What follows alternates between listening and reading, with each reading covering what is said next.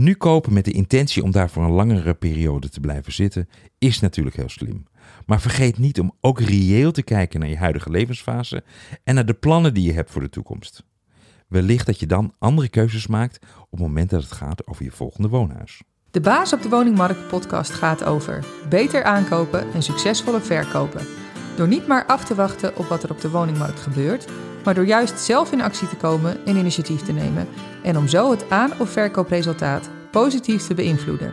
Kortom, door de baas op de woningmarkt te worden. Met makelaar in woongeluk Mark Theeuwissen. Kopen voor een periode voor de komende 10, 15 jaar is natuurlijk heel erg slim. In de eerste instantie kan je zo schommelingen in de woningmarkt opvangen. En Wat maakt jou het uit op het moment dat die markt een tik krijgt en je huis opeens minder waard is dan waarvoor je het gekocht hebt? Als je blijft zitten, is het papieren verlies. En ook je rente voor een langere periode vastzetten is natuurlijk heel erg fijn dat je financieel ook niet voor verrassingen komt te staan. Je weet gewoon iedere maand waar je aan toe bent. Maar wat als je huis tussentijds niet meer past bij je huidige levensfase? Zou je dan nog steeds dezelfde keuzes maken? Ik kom wel eens iemand tegen die na een echtscheiding zegt van ik wil gewoon lekker een klein studioappartement hebben. Helemaal ingericht, helemaal kant-en-klaar, waar ik niks meer aan hoef te doen. Want ik hoef voorlopig geen partner meer te hebben. En dan zeg ik wel eens van ja, denk je nou echt dat je je hele leven alleen blijft? En dan krijg ik argumenten van nou, ik ben even klaar met mannen of ik ben helemaal klaar met eh, vrouwen. En dan denk ik ja, dat kan je nu wel zo voelen. Maar over twee jaar kan je leven er totaal weer anders uitzien. En denk je misschien van, nou, mijn kinderen zijn nu de deur uit. Wat als je een partner tegenkomt die opeens toch nog een kinderwens heeft? Ik zie het vaak genoeg gebeuren dat iemand heel principieel kiest voor het ene, uiteindelijk na een paar jaar weer terug moet komen op het eerder genomen besluit. En zo is het ook met wonen. Kijk altijd vijf jaar vooruit in je leven en hou rekening met live events. Live events, dat zijn momenten in het leven die vaak ook rechtstreeks invloed hebben in woonbehoeften, of het type huis wat je hebt. Trouwen, kinderen krijgen, baan verliezen, overlijden van een partner, nieuwe partner krijgen, verandering van baan. Dat zijn allemaal live events. En al die live events hebben vaak rechtstreeks invloed op de plek waar je wil wonen, hoeveel ruimte je nodig hebt. Dus de vraag is altijd van, je moet niet alleen kijken van hoe ziet mijn leven er nu uit, maar hoe ziet mijn leven er over twee jaar uit? Hoe ziet mijn leven er over vijf jaar uit? Ben ik van plan altijd alleen te blijven? Dan kan je nu misschien denken van ja, ik heb geen zin in een partner. Bijvoorbeeld na een vervelende scheiding of na verbreken van een samenleving. Ja, je kan er even klaar mee zijn. Maar je zal net weer tegen die anderen aanlopen en weer helemaal verliefd zijn. En denken, oh weet je, leuk samenwonen. En dan is gewoon weer de vraag, als ik nou mezelf over vijf jaar projecteer, hoeveel ruimte heb ik dan nodig? Ben ik dan nog alleen of ben ik dan weer samen met iemand anders? Waar woon ik nu? Heb ik dan misschien kinderen? Of zijn mijn kinderen dan juist het huis uit? Wat doe ik met werk? Wil ik misschien een heel ander type werk hebben? Waar ga ik dan wonen? En hoeveel lasten ben ik dan bereid te betalen? Of wil ik juist op lagere lasten gaan zitten? En dan kan je natuurlijk je huis voor 10, 15 jaar nu gekocht hebben. Maar misschien dat je over een paar jaar dan op een moment komt dat je huis tussentijds toch wil verkopen. Omdat je net een andere stap wil maken in je wooncarrière. Wellicht aangestuurd door een van die live events die ik net benoemde. En daarom zou je bij aankopen ook altijd verkopen in gedachten moeten hebben. En dan zijn er eigenlijk twee stappen waar je rekening mee dient te houden. De eerste stap heet ook wel buy well, sell well. Als je kijkt naar ouderwetse onroerend goedhandelaren, die zeggen altijd de winst zit hem in de aankoop. Dus de aankoop die je nu op dit moment doet, bepaalt uiteindelijk de waarde van je huis in de toekomst. En zo zeggen ze wel eens dat het goedkoopste huis in de duurste wijk kopen je de meeste kans op winst geeft. En omgekeerd is het duurste huis kopen in de goedkoopste straat, geef je de meeste kans op verlies. En daarom is het ook altijd belangrijk om te denken van, als ik mijn huis straks weer ga verkopen, voor wie is dat meest geschikt? En dan ga je kijken naar de buurt. Heb ik een huis wat zich uitstekend leent voor gezinnetjes, dan is het belangrijk dat scholen in de buurt zijn. Of hou rekening met aanrijroutes. Welke plannen heeft de gemeente met de wijk? En praat met locals hè, van wat speelt hier nou eigenlijk? Dus voordat je aankoopt, probeer je ook een beeld te vormen van je buurt en de wijk over vijf jaar. Is het dan nog steeds zo aantrekkelijk? Dus buy well, sell well betekent vooral koop een huis niet alleen op de binnenkant, maar kijk vooral naar de locatie. Ik verwijs hiervoor ook naar een eerdere podcast die helemaal gaat over kopen op locatie. Stap 2 is hou je huis ook courant. De grootste kans om straks je huis weer te verkopen is op het moment dat je een huis hebt die straks weer aantrekkelijk is voor een grote groep potentiële kopers. Over drie jaar, vijf jaar, tien jaar, dat maakt niet zoveel uit. Maar hou je huis dan ook courant. Zorg ervoor dat je huis dan ook makkelijk weer nieuwe kopers kan vinden.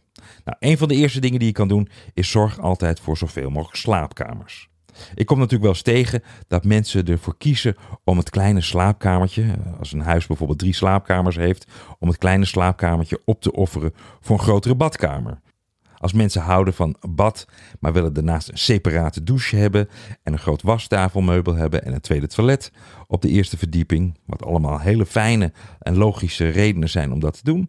Maar als dat betekent dat je een van je drie slaapkamers moet opofferen, dan maak je je huis gewoon minder courant voor de mogelijke doelgroep in de toekomst. Zeker als je een huis hebt wat ideaal is voor gezinnen of mensen met kinderen, dan is het hebben van zoveel mogelijk slaapkamers een belangrijk argument om jouw huis aantrekkelijk te vinden.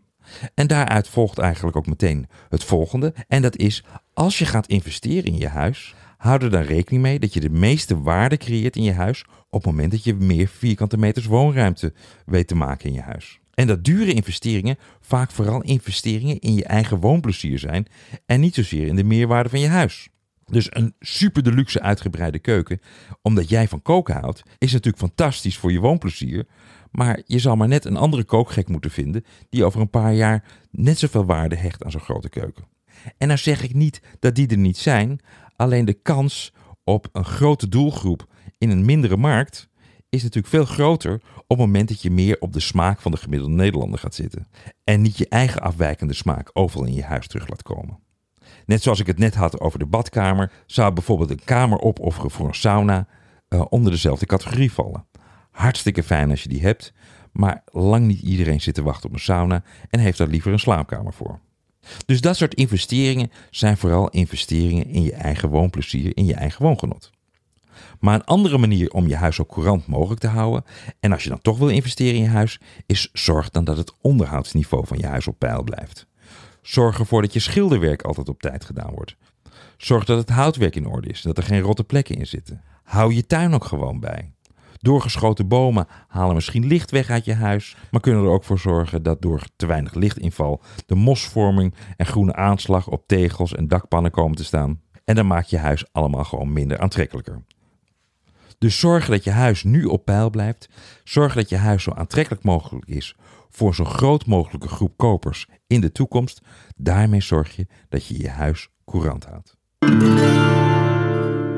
De slimste manier om nu naar je volgende woning te kijken is dus om een vizier te hebben die verder gaat dan vijf jaar en daarmee ook rekening houdt met je toekomstige levensfase en de mogelijkheid van toekomstige live events. En dan gaat het er niet alleen om hoe lang je zou willen wonen in een huis, wat je intentie is, maar ook hoe lang je er kan blijven wonen. En als je daarmee rekening houdt, kan je nu betere keuzes maken voor je volgende woning. En zo sleutel je zelf aan je eigen woongeluk.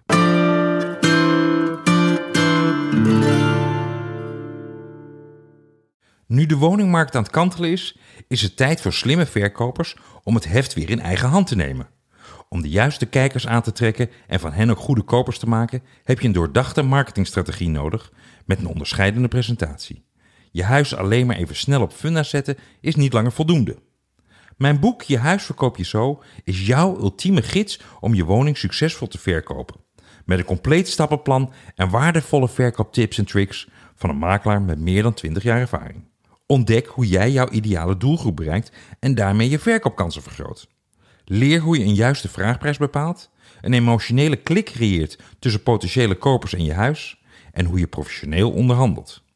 Als jij serieus aan de slag wil met de verkoop van je appartement of woonhuis, bestel dan nu je huis verkoop je zo via de link in de show notes en word baas over je eigen verkoopproces. Met succesvolle verkoop als het resultaat.